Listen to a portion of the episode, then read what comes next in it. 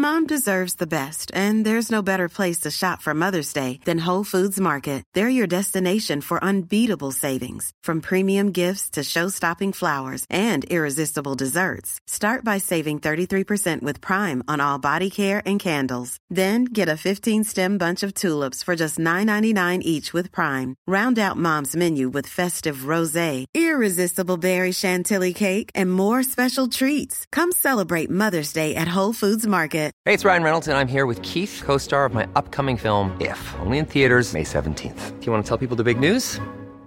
All right, I'll do it. Sign up now and you'll get unlimited for $15 a month in six months of Paramount Plus Essential Plan on us. Mintmobile.com slash switch. Upfront payment of $45 equivalent to $15 per month. Unlimited over 40 gigabytes per month. Face lower speeds. Videos at 480p. Active Mint customers by 531.24 get six months of Paramount Plus Essential Plan. Auto renews after six months. Offer ends May 31st, 2024. Separate Paramount Plus registration required. Terms and conditions apply if rated PG.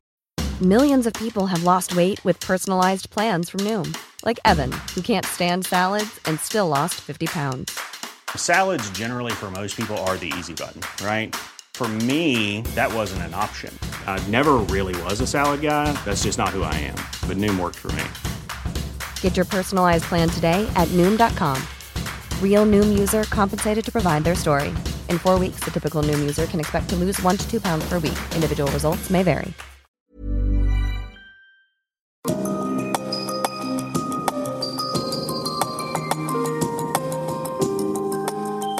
Du lytter til podkast fra Oslo Militære Samfunn.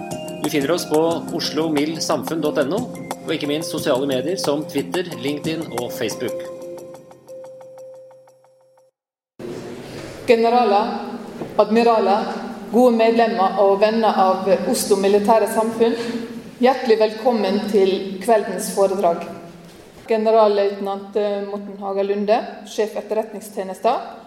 Han begynte i Forsvaret i 1979, utdanna navigatør og har gjennom sine ca. 37 år i Forsvaret hatt en rekke sjefs- og lederstillinger på alle nivå, også i utlandet. Han hadde stillinger som sjef Forsvarets operative hovedkvarter, før han overtok som sjef etterretningstjeneste i januar i år. Tittelen på dagens foredrag er 'Etterretningstjeneste sin fokus i 2016'. Generalløytnant Morten Hagelunde, vær så god, talerstolen er din.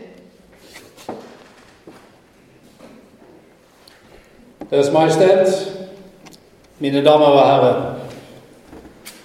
Jeg vil aller først få takke for invitasjonen til mitt første foredrag som etterretningssjef her i Oslo Militære Samfunn. For snart tre uker siden la jeg fram Etterretningstjenestens ugraderte vurdering, Fokus 2016. Hensikten med Fokus er å gi bidrag til en informert offentlig debatt om utenriks-, sikkerhets- og forsvarspolitiske forhold, som etter vår vurdering kan ha størst påvirkning på Norge og norske interesser. Den offentlige debatten om disse forholdene viser i økende grad hvilken situasjon Norge står overfor i en globalisert verden, og understreker at fremtidens utfordringer og trusler vil være sammensatt og i mange sammenhenger uforutsigbare. I Fokus 2016 pekte jeg på et krevende og utfordrende trusselbilde. Jeg vil i kveld benytte denne viktige talerstolen til å beskrive de tre forholdene som jeg mener kan ha størst påvirkning på norsk sikkerhet i tiden fremover.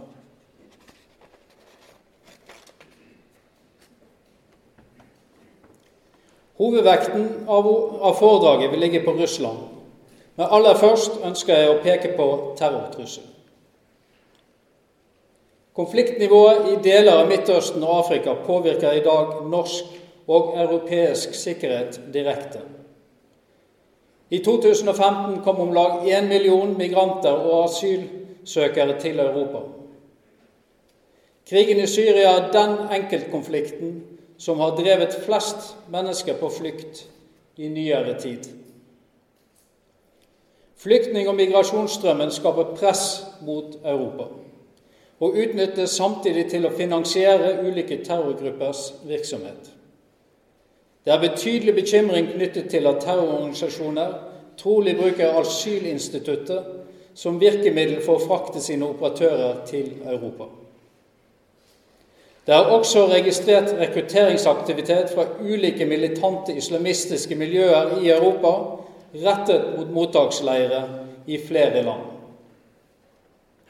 Denne utviklingen representerer en ny og alvorlig utvikling i et trusselbilde som over flere år er forverret som en følge av konfliktene i Syria og Irak. Antall planlagte og gjennomførte terrorangrep i Europa har som kjent også økt. Etterretningstjenesten fortsetter arbeidet med å bidra til å forhindre terroranslag mot Norge og norske interesser. Trusselen mot vestlige interesser fra militante islamister er alvorlig og kompleks. I all hovedsak er det terrororganisasjonen Den islamske staten i Irak og Levanten, ISIL, og Al Qaida som representerer den største trusselen. Norge er ikke et prioritert mål, men som et vestlig land som deltar i koalisjonen mot ISIL og Al Qaida, er Norge en del av disse organisasjonenes fiendebilde. Norge anses derfor som et legitimt mål av terrororganisasjoner som deler ISIL og Al Qaidas ideologi. Analysen av terrortrusselen mot Norge og norske interesser må reflektere nasjonale forhold og hvordan disse henger sammen med internasjonale utviklingstrekk. E-tjenesten jobber derfor tett sammen med Politiets sikkerhetstjeneste for å sikre et så helhetlig bilde som mulig av terrortrusselen. Etterretningstjenesten anser at terrortrusselen mot norske mål og interesser i utlandet er reell. Terrortrusselen mot norske mål og interesser vil påvirkes negativt dersom noen av terroristorganisasjonene spesifikt innlemmer Norge i sine erklæringer og oppfordringer.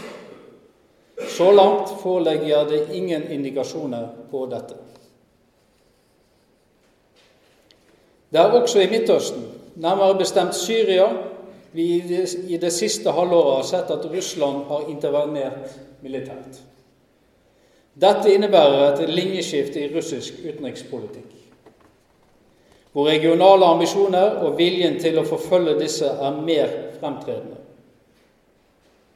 Bekymringen tilknyttet uforutsigbarheten i russisk innenriks- og utenrikspolitikk, politisk utvikling, øker som følge av Russlands handlinger og retorikk.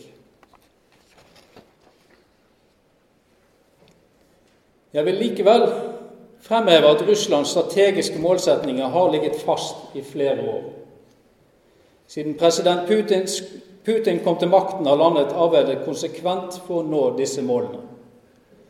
Moskvas fremste utenrikspolitiske prioritet er å sikre landets innflytelse i tidligere sovjetstater hvorav de fleste inngår i samveldet av uavhengige stater, SUS. Denne politikken har først og fremst til hensikt å hindre disse landene i å utvikle tette økonomiske og sikkerhetspolitiske bånd til Vesten. Det russiske lederskapet preges av en tankegang hvor tettere samarbeid mellom SOS-land og vestlige stater innebærer tap av russisk innflytelse og kontroll. Dette synet på verden forklarer i stor grad Russlands aggressive atferd overfor Ukraina, men også overfor andre nabostater.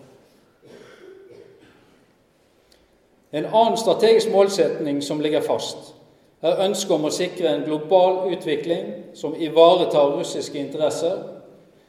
For Russland betyr dette en multipolar verdensorden. Russland har som ambisjon å spille en sentral rolle i håndteringen av internasjonale konfliktspørsmål, på linje med andre stormakter. Dette er særlig tydelig når vi ser på hvordan Russland har manøvrert seg inn i en sentral rolle i de diplomatiske prosessene knyttet til konflikten i Syria og Irans atomprogram. Russiske målsetninger er derfor i stor grad forutsigbare.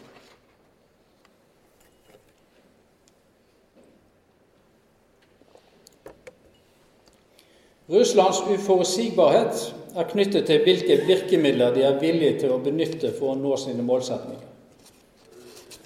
Det russiske regimet bruker et bredt spekter av utenrikspolitiske virkemidler.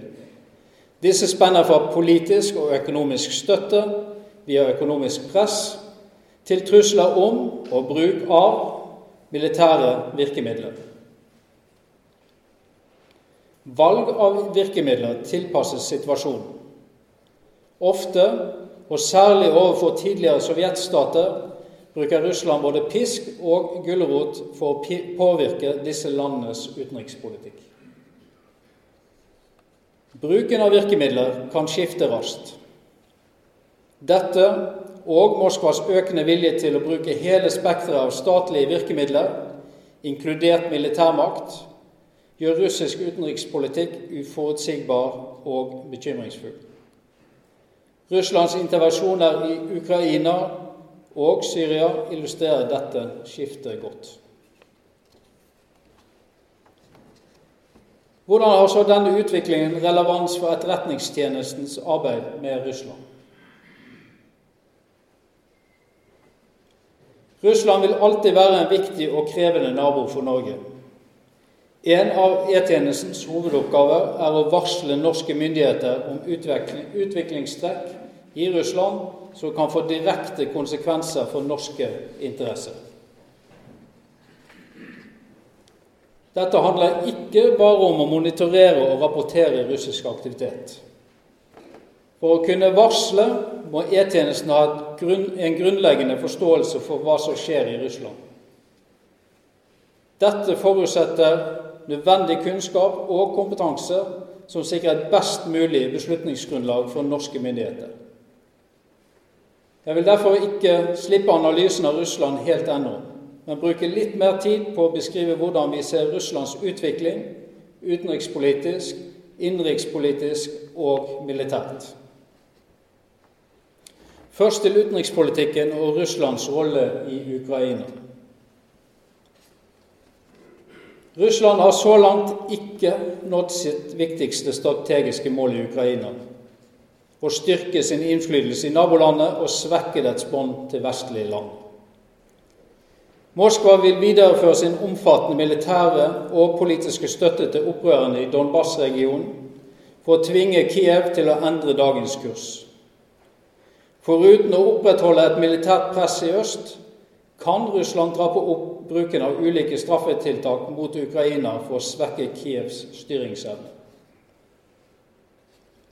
Dette synes å være Moskvas strategi nå, nemlig å undergrave ukrainske myndigheters styringsdyktighet ved å presse landet økonomisk og tvinge Kiev til å bruke store ressurser på å håndtere konflikten. Russland kapitaliserer også på den økende politiske uroen i Kiev og de mange korrupsjonsanklagene mot det politiske lederskapet. Dette bidrar videre til å svekke Vestens tillit til Ukraina. En ny utenrikspolitisk utvikling er Russlands økende ambisjoner i andre geografiske områder. Militærkampanjen i Syria, som ble iverksatt august-september 2015, markerer, som nevnt, et skifte i russisk utenriks- og sikkerhetspolitikk.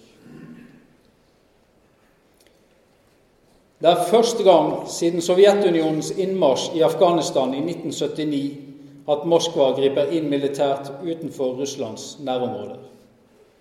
Russlands erklærte mål i Syria er å bygge en internasjonal koalisjon for å bekjempe terrorgruppen ISIL. I praksis har Russland likevel konsentrert seg om å angripe andre væpnede grupper. Dette fokuset har bidratt til å sikre president Assads regime som i 2015 havnet på defensiv. Gjennom militærkampanjen i Syria har Russland søkt å oppnå flere delmål. De har gjort seg til en nøkkelspiller i Midtøsten. Samtidig har de sikret seg et militært og politisk fotfeste i Syria. Med kampanjen har Russland også lykkes med å reetablere seg som en premissleverandør i internasjonale forhandlingsprosesser. Det er ikke entydig hva president Putins videre militærplan i Syria er.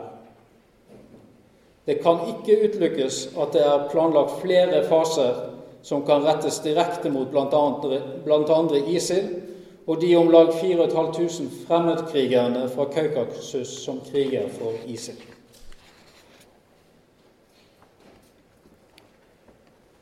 I lys av det forverrede samarbeidsklimaet med Vesten fortsetter Russland forsøkene på å styrke alternative politiske, militære og økonomiske forbindelser med andre land. Asia og Midtøsten er spesielt viktig. Forholdet til Kina står i en særstilling og omtales som et strategisk partnerskap. Russland viser vilje til å reorientere energieksport og andre omfattende militære og økonomiske avtaler med Kina og, andre potensielle partnere. Dette er et tydelig tegn på betydningen Moskva legger i å finne partnere utenfor Vesten. Det er derfor flere trekk som kjennetegner russisk utenrikspolitikk. De strategiske målsettingene ligger i stor grad fast og er kjent. Vi er, som nevnt, vitne til en mer offensiv og opportunistisk utenrikspolitikk. La meg så vende blikket mot innenrikspolitikken.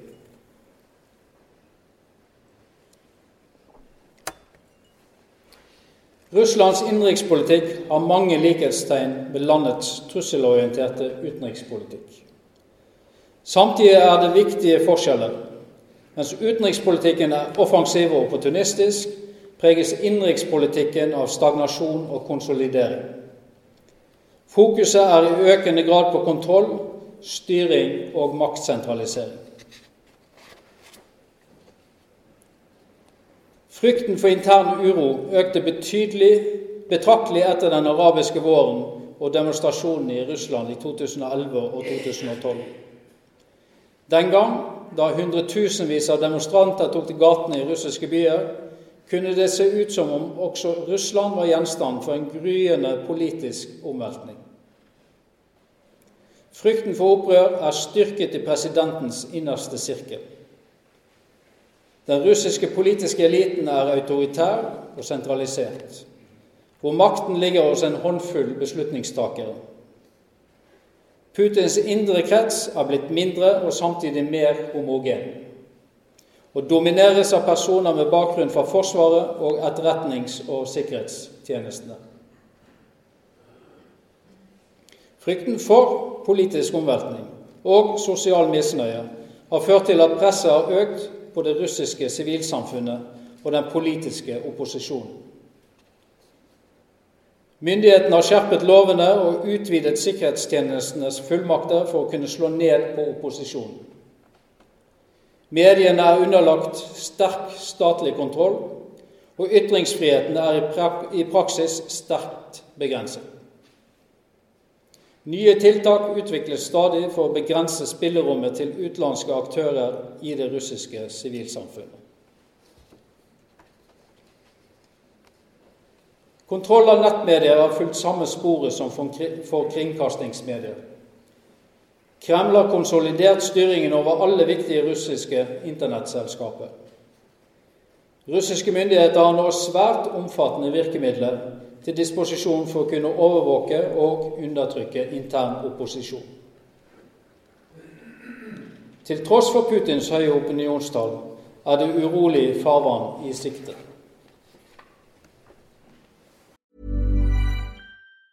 Hey, it's Ryan Reynolds, and I'm here with Keith, co star of my upcoming film, If, only in theaters, May 17th. Do you want to tell people the big news? All right, I'll do it. Sign up now and you'll get unlimited for $15 a month in six months of Paramount Plus Essential Plan on us. Mintmobile.com slash switch. Upfront payment of $45 equivalent to $15 per month. Unlimited over 40 gigabytes per month. Face lower speeds. Videos at 480p. Active Mint customers by 531.24 get six months of Paramount Plus Essential Plan. Auto renews after six months. Offer ends May 31st, 2024. Separate Paramount Plus registration required. Terms and conditions apply if rated PG. I'm Sandra, and I'm just the professional your small business was looking for. But you didn't hire me because you didn't use LinkedIn jobs. LinkedIn has professionals you can't find anywhere else, including those who aren't actively looking for a new job but might be open to the perfect role, like me. In a given month, over 70% of LinkedIn users don't visit other leading job sites. So if you're not looking on LinkedIn, you'll miss out on great candidates like Sandra. Start hiring professionals like a professional. Post your free job on linkedin.com/people today.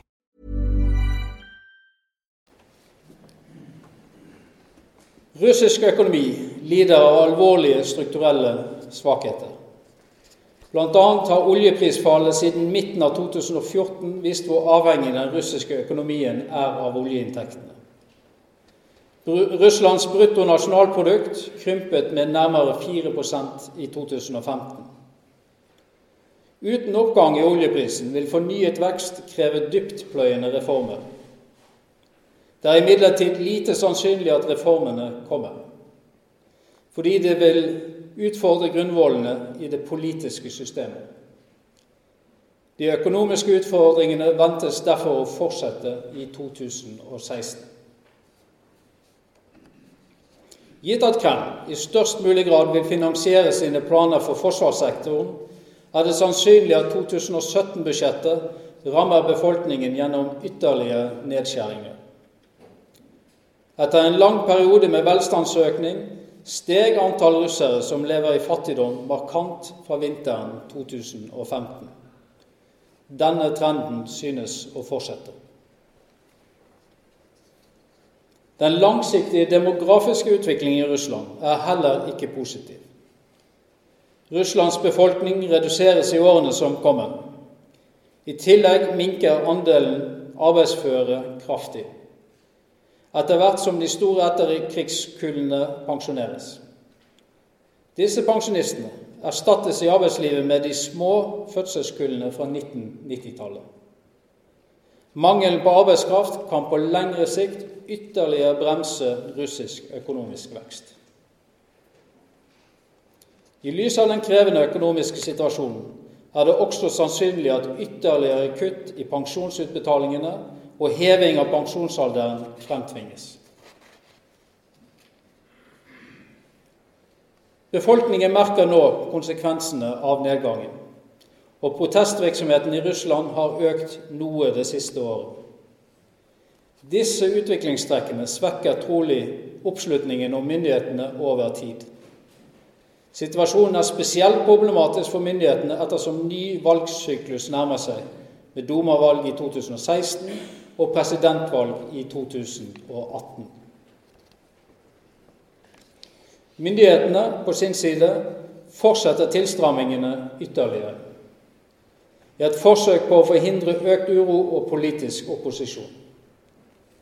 Spenninger i det russiske samfunnet kan dermed raskt slå ut i politisk ustabilitet i tiden som kommer.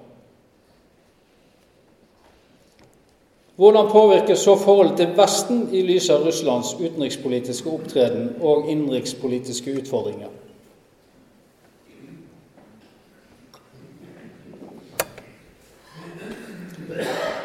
Forholdet mellom Russland og Vesten er på sitt kjøligste siden den kalde krigen. Russlands relasjon til Vesten er preget av langsiktige utfordringer, men også av kortsiktige og til dels motstridende hensyn også innenrikspolitiske. Det russiske lederskapet anklager vestlige land for å arbeide for et regimeskifte i Moskva. Sett fra Moskva er Nato, og i senere tid EU, de fremste drivkreftene for den vestlige politikken. Russlands nye sikkerhetsstrategi, som ble publisert ved nyttår, omtaler Nato som en trussel.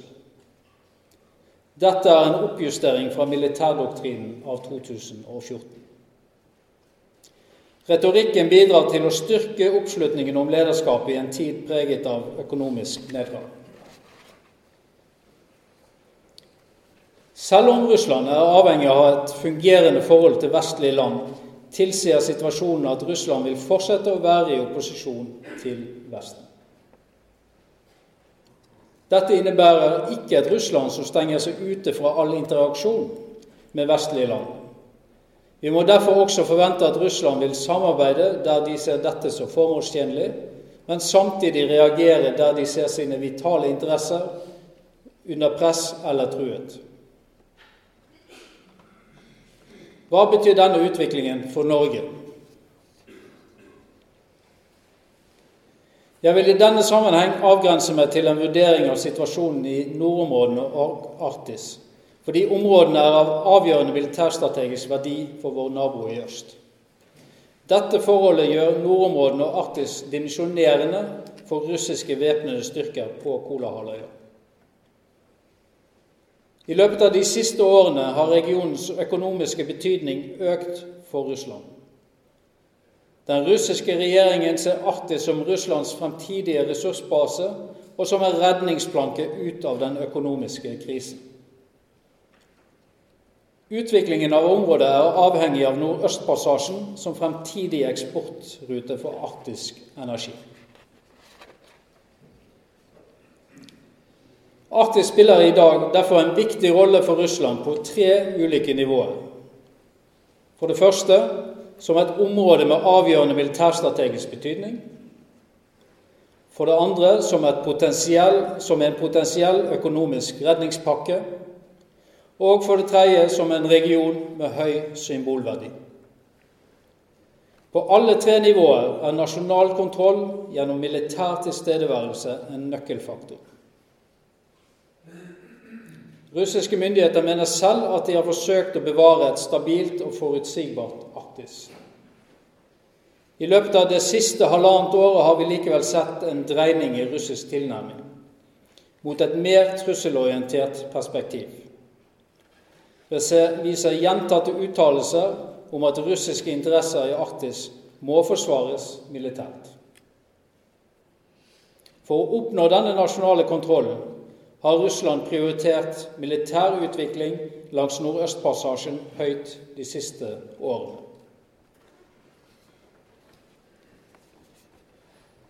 Missiler som kan avføres fra en motstanders fly og fartøyer i polområdene eller Norskehavet, vurderes av russiske myndigheter til å utgjøre den største militære trusselen mot Russland. Dette gjør at forsvar mot innkommende fly og missiler er en høyt prioritert oppgave langs Russlands nordlige kystlinje. Som indikert på kartet har dette så langt resultert i reetablering og nyetablering av en rekke avdelinger, baser og moderne våpensystemer i Arktis. Russland har dermed økt sin evne til tidligvarsling av innkommende trusler, sin evne til å forsvare seg mot fly og fartøyer og sin evne til å hindre andre stater i å operere i Norges nærområde. Den operative strategiske kommandoen OSK Nordflåten, også kjent som Den arktiske kommandoen, ble formelt etablert i desember 2014. Når denne kommandoen blir fullt operativ, etableres en helhetlig kommando med ansvar i hele den arktiske regionen og sørover ut i Atlanterhavet. Dette er illustrert i gult på kartet. Denne organiseringen erstatter et oppstykket ansvar fordelt på tre ulike militærdistrikter. Endringen betyr at Russland øker evnen til å planlegge, koordinere og gjennomføre operasjoner i og ut av OSK Nordflåtens ansvarsområde de kommende årene. Denne utviklingen øker Russlands forsvarsevne og handlefrihet. Den militære utviklingen i våre nærområder henger tett sammen med de militære reformprogrammene som ble påbegynt i 2008. Moderniseringen vil fortsette å fornye og forbedre de væpnede styrkenes kapasiteter. Vi ser en økt evne til å planlegge, lede og gjennomføre militære operasjoner integrert med andre relevante statlige virkemidler. Russlands gode evne til hurtig å forflytte militære styrker, som vi har sett i Ukraina og Syria, vil også forbedres ytterligere.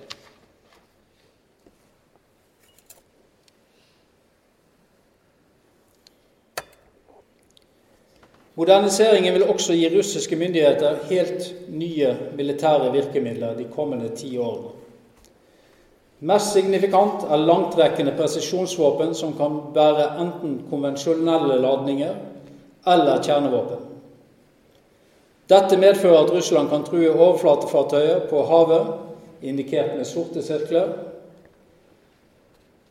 De gule sirklene indikerer rekkevidden på missiler mot landmål.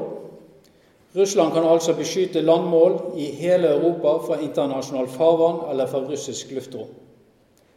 Denne kapasiteten ble for første gang demonstrert både fra overflatefartøyer, ubåter og fly mot mål i Syria i 2015. Etterretningstjenestens vurdering er at dagens lave oljepris og sanksjoner vil redusere hastigheten på utviklingen i noen grad. Noe som medfører at moderniseringen strekkes over flere år enn opprinnelig planlagt. I Norges nærområde er det altså et annet Russland vi står overfor enn for bare få år siden. Det er betydelig usikkerhet knyttet til den innenrikspolitiske stabiliteten i Russland i årene som kommer. Uforutsigbarheten som preger Russland på den internasjonale arena, kan også gjøre seg gjeldende i Norges nærområde. Endringer i russisk opptreden kan komme raskt og uventet. Russland har tydeligvis evne og vilje til å benytte et bredt spekter av statens virkemidler for å sikre nasjonale interesser i og utenfor sine nærområder. Selv om Russland ikke utgjør en konkret militær trussel mot Norge i dag, vurderer vi at utviklingen i Russland på sikt kan representere en betydelig potensiell risiko og utfordring for Norge. Fra E-tjenestens perspektiv er det derfor avgjørende å følge tett med på hva som skjer i dette området.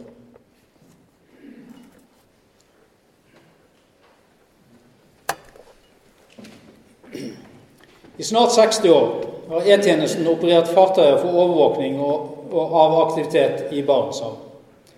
Først med innleide kapasiteter, og fra 1966 med egne fartøyer som alle har båret navnet Marjata. Disse fartøyene har i særlig grad bidratt til situasjonsforståelse i nord og har fremstått som tydelig, et tydelig norsk tilstedeværelse i området. I år påbegynner vi et nytt kapittel i denne virksomheten. Da Mayata, nummer fire i rekken, starter sitt første operative tokt.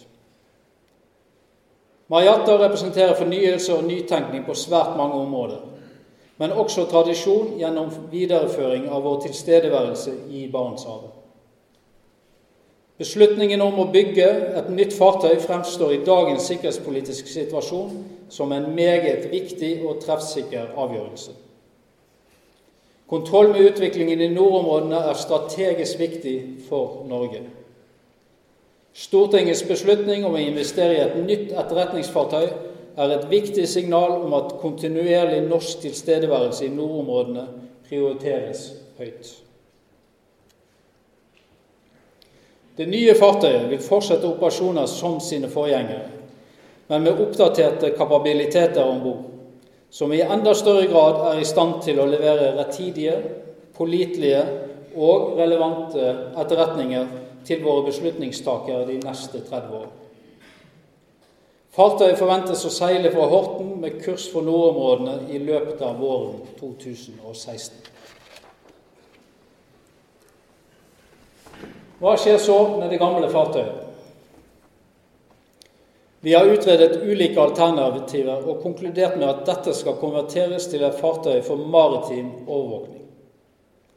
Foreløpig ligger fartøyet i Horten.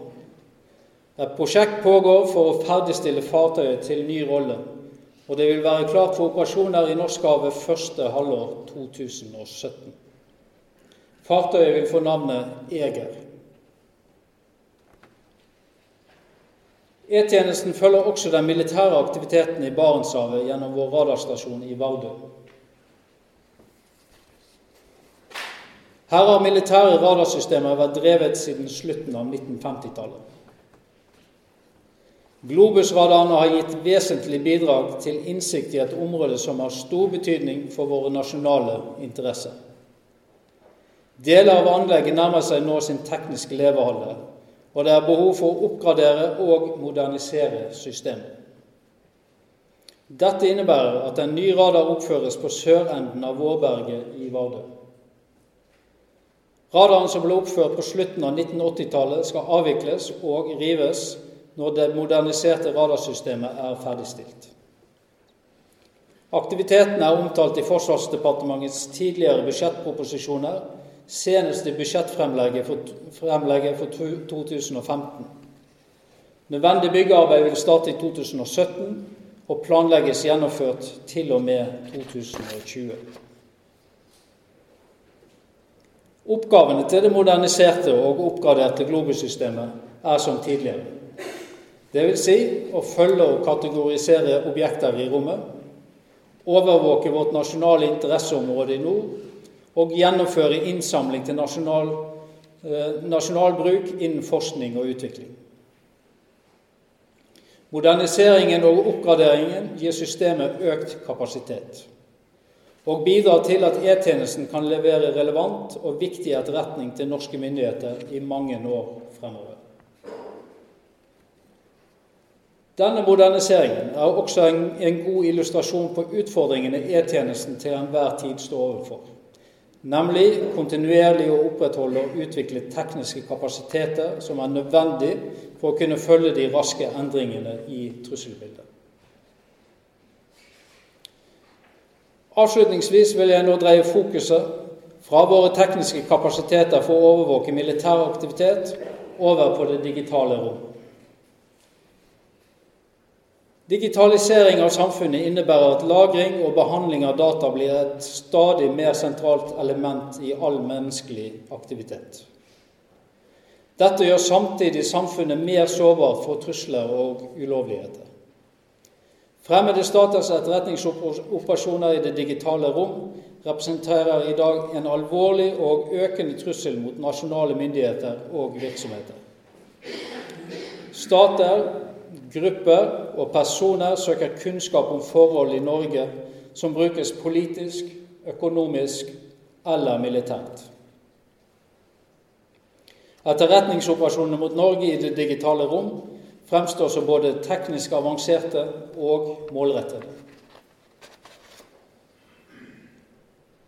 Global kommunikasjon endres hurtig. Kommunikasjon som tidligere gikk over radio og satellitt, foregår nå i fiberoptiske kabler. Over 95% av trafikken inn og ut av Norge formidles over høyhastighets fiberforbindelse. E-tjenesten har i dag ikke tilgang til elektronisk informasjon som kommuniseres i fiberoptiske kabler. Forsvarsdepartementet har nedsatt et uavhengig utvalg, ledet av professor Olav Lysne. Utvalget skal utrede sentrale problemstillinger knyttet til hvorvidt E-tjenesten skal kunne hente informasjon fra tele- og datatrafikken inn og ut av Norge. Tilgangen er også omtalt som digitalt grenseforsvar. Digitalt grenseforsvar medfører ingen utvidelse av E-tjenestens oppgaver, men innebærer at vi eventuelt får tilgang til en informasjonskilde som i dag er utilgjengelig for oss. Utvalgets arbeid vil inngå i regjeringens vurdering om E-tjenesten skal få slik tilgang. Jeg mener at det er viktig med en grundig og åpen debatt rundt dette spørsmålet. Ikke minst fordi en eventuell tilgang reiser prinsipielle spørsmål knyttet til personvern og personlig frihet i det digitale rom. Dette er spørsmål som berører viktige demokratiske verdier i vårt samfunn. Oppsummert vil jeg si litt om hvordan utviklingstrekkene jeg har snakket om, påvirker E-tjenestens arbeid de kommende årene. Den uforutsigbare sikkerhetspolitiske situasjonen stiller store krav til en etterretningstjeneste som vår, som hele tiden skal tilstrebe å levere rettidig, pålitelig og relevant beslutningsgrunnlag til våre myndigheter.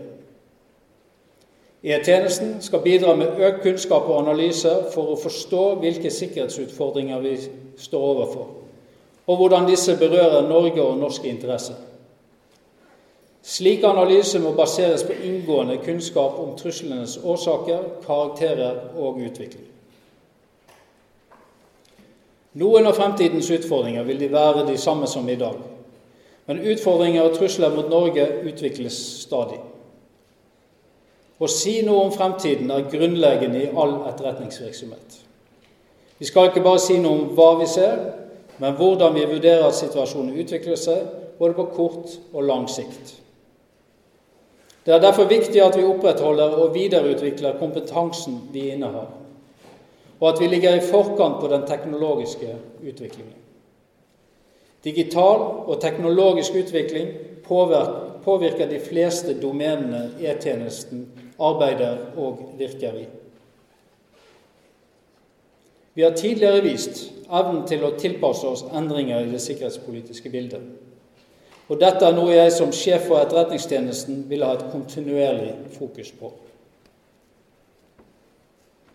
For å møte morgendagens utfordringer skal Etterretningstjenesten fortsette å vise fleksibilitet, være fremtidsrettet, satse på kompetanse og satse videre på nye teknologiske løsninger. Takk for oppmerksomheten.